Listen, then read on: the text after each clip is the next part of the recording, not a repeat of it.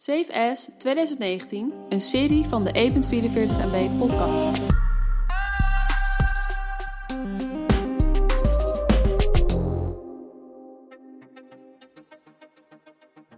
Innovaties, spannende tijden met veel nieuwe dingen. Veel halen het niet. Of zit jij al wel met een VR-bril op in een AR-omgeving naar ons te luisteren?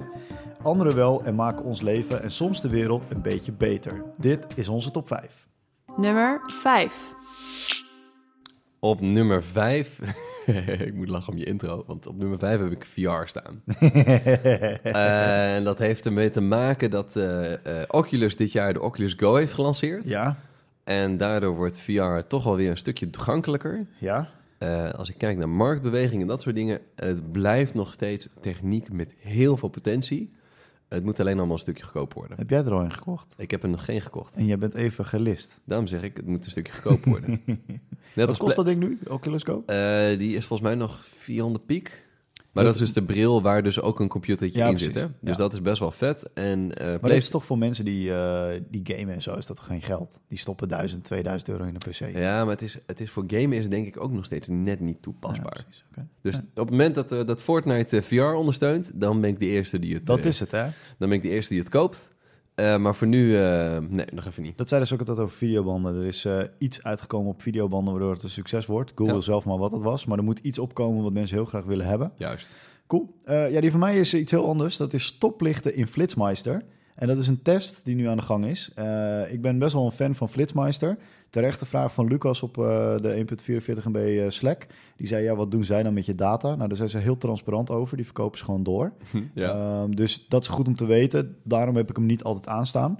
Ehm, maar ik gebruik hem wel vaak op, als ik op onbekende wegen kom. Ja. En ik gebruikte hem laatst op een weg bij mij in de buurt... waar ik ineens zag dat de, flitsen, sorry, de stoplichten real-time worden getoond in de app. ja. Dus groen en rood worden real-time. En het was echt real real-time. Er zat geen vertraging in. Worden getoond in de app. Waar, waar, waar- wat heb je eraan? Ja, nou, dat, is dus, dat vroeg iemand anders ook. Maar eh, als je bijvoorbeeld laaghangende zon hebt en dat soort dingen, is het super gaaf. Eh, en als je eh, te ver vooruit staat, dan kun je eh, dat vaak niet zien. Ehm, dan zie je gewoon het stoplicht niet goed. Ja. Eh, en dan zie je het nu. Ik heb mijn telefoon altijd in het midden gemonteerd. Ja. Eh, en ik, ik, ja, ik vind het gewoon een super gaaf. En ik kijk ook heel vaak op mijn telefoon naar de route tijdens dat ik voor het stoplicht sta. Ja. Nou, het feit dat het kan, dat is heel vet. Ja, en ik zie dit al voor me als ze zometeen, want je hebt van die head-up displaytjes. Ja. Als dat zometeen komt voor je mobiele telefoon, Ja. ja, dan wordt het vet. Ja. Dan eh, wordt het ook veiliger. Nummer 4. Op eh, nummer 4 heb ik eh, AR staan. En dat is eh, met name eh, voor mijn gevoel op, eh, op mobiel. Dus als je kijkt, heb, je, heb je die AR Angry Birds alles gespeeld? Nee. Dat is zo lachen. En dat werkt zo goed. Dus als je een ehm, beetje telefoon hebt, een, een, iPhone 10 hoger, denk ik. Die, die heeft een hele goede, goede camera, maar ook goede diepte en volgens mij ook een hele goede sensor. Ja. Ehm, daar werkt de Angry Birds AR werkt daar gewoon lekker op.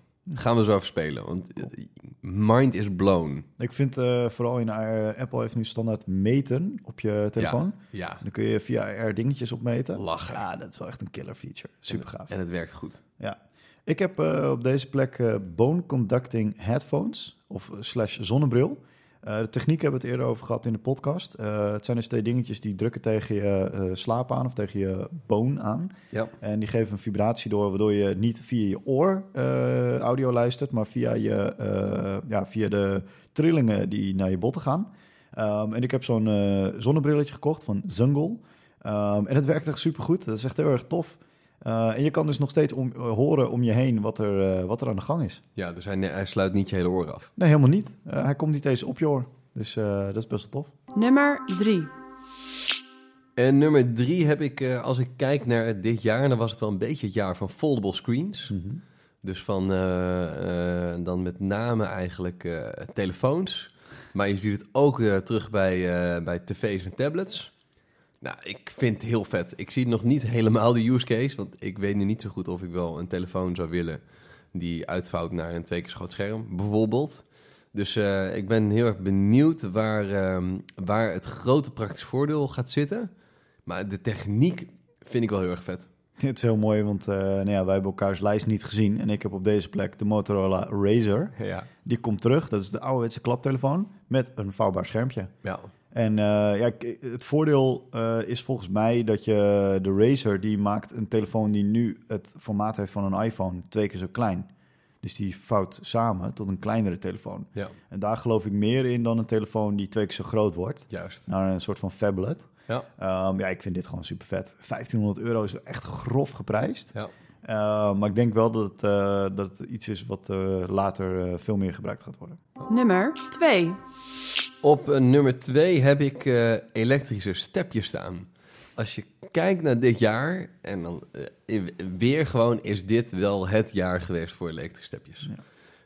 Overal, behalve Nederland. Ja. Dus ik vind dat best wel een lekkere trend. En ook daarbij weer benieuwd wat dat, wat dat verder gaat doen. Ja. En vooral, ik hoop dus dat het in Nederland ook wel gaat mogen. Weet je wat grappig is? Dat er, uh, je hebt uh, Uber-stepjes en Bird. Uh, en je hebt Dot. Ja. veel van die bedrijven zitten in Nederland. Hmm. En ik sprak iemand bij Dot van de week. En die zei, ja, dat, dat we in Nederland zitten is gewoon deel 1 belasting. Ja. makkelijke locatie. Ja. en dat het in Nederland niet mag, dat is voor ons niet belangrijk. We kijken toch alleen maar naar Europa. Ja. Dus zo wordt er wel naar Nederland gekeken. Dat we gewoon een makkelijk doorgeefluik zijn. Ja, ja, ja. En, uh, maar de regelgeving moet wel echt aanpassen. Willen wij die shit in Nederland krijgen, ondanks dat ze hier zitten. Dus uh, ja, interessant. Uh, voor mij is, is nummertje twee... Ja, ik schaam me dat ik dit bij innovatie heb staan. maar het is Apple Pay. Eindelijk is het er in Nederland. Want het heeft echt zes jaar geduurd of zo nu, denk ik. Ja, ja, voordat ja, we het hebben gekregen. Ja. Um, en ik uh, hoorde dat de campagne, uh, sorry, dat sinds de campagne heeft gedraaid van Apple Pay, ook veel meer Android-gebruikers mobiel betalen zijn gaan gebruiken. Lachen. Dat konden ze al drie jaar of zo. Um, maar ja, Apple is zo'n synoniem voor die techniek, Ja. dat, het, dat dat nu pas is aangejaagd. Dat vind ik wel heel mooi. Aan de andere kant is het natuurlijk heel sneu dat dat niet lukt. Ja. Um, uh, want ik betaal serieus echt al drie jaar. Ik ben echt geswitcht hierom naar Android. Ja. Uh, maar het is supergoed dat het nu eindelijk in Nederland is. Ja. Dat is echt uh, belangrijk. Nummer 1. Op uh, nummer 1 heb ik eigenlijk een overkoepeling zijn. Dat is All Things Electric. Dus niet alleen stepjes, uh, maar ook uh, elektrische fietsen worden beter. Elektrische skateboards ben ik fan van. Ik vind het vervoer meer elektrisch maken. Auto's natuurlijk ook. Het vervoer meer elektrisch maken, dat vind ik echt wel een vette innovatie. En ik hoop dat, uh, ja, dat dat zich blijft voortzetten. Dat we in 2020 alleen nog maar meer vette elektrische dingen gaan zien. Durf jij het te wagen aan een voorspellingje? Ligt eraan waar ik me aan ga wagen. Uh, denk jij dat er ooit elektrische vliegtuigen zullen komen? Ja, tuurlijk. Hm. Oké. Okay. Zijn er nu al toch, op korte vluchten? Ja, nee, maar dat is het. De, de, volgens mij is de, de batterijen moeten zo groot zijn dat, je, dat ze het bijna niet halen, zeg maar. Ja, precies. Maar ja, dat is nu een capaciteitsprobleem van batterijen. Maar op het moment dat ze die... Het heeft er met twee dingen te maken. De batterijen hebben niet genoeg capaciteit. Voor de, of voor, uh, en het ge gewicht kan het nu nog niet dragen. Ja, die solid state. Uh, ja. Dus op het moment dat... dat gaat zich oplossen. Hm. Dat geloof ik wel. Oké, okay, interessant. Ja, mijn nummertje 1 is iets Nederlands. En uh, ik heb dat vorig jaar gezien. En ik ben er echt van onder de indruk geweest. Dat het heet X-Core.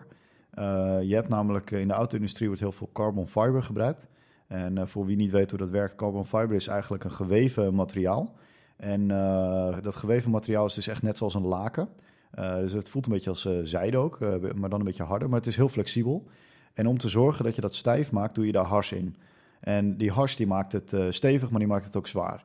En uh, nu is er in uh, Nederland een bedrijf dat heet Donkervoort. Dat is uh, de enige echte Nederlandse autofabrikant nog die er is. um, die krijgt zijn motoren of koopt zijn motoren bij Audi. En Donkervoort heeft een techniek ontwikkeld die heet X-Core. Waarbij ze twee laagjes carbon fiber voorzien van een tussenlaag. en dat is een poeder. En die poeder die zet zich om in een schuim. En die houdt dan dat, dat hars vast.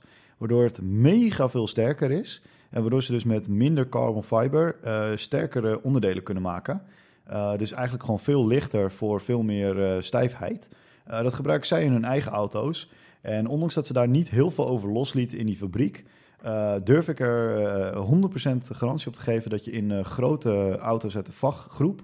dus Volkswagen, Audi, Porsche zeg maar... dat je die techniek die in Nederland is ontwikkeld dat je die daar dus echt terugziet. Vet. Ja, Ja, er trots op. Ja, dat is heel gaaf. Want je, je moet voor de grap eens even kijken naar de vacatures bij Donkervoort. Ja. Want er worden eh, zeg maar een twintigtal auto's per jaar gemaakt. Ja. Maar ze hebben dus heel veel gasten nu op die X-Core techniek zitten. Ja, ja, ja, ja. Eh, en daardoor durf ik zo keihard te stellen dat dat eh, in die groep wordt gebruikt. Want om die motoren leveren is helemaal niet interessant voor zo'n eh, voor zo'n bedrijf. Sterker nog, is het alleen maar moeilijk om een paar van die kratten hier naartoe te sturen. En dat vind ik echt heel tof. De- deze gasten maken 20 auto's per jaar, weet je. En Die, die, die maken zo'n techniek. Het is samen ontwikkeld met een universiteit. Ik kon even niet vinden of dat Delft of Eindhoven was. Maar de- er zijn dus credits, maar die kan ik even niet geven. Hm, mooi. Bram, we sluiten innovaties af. Tot morgen. Tot morgen. Save As 2019.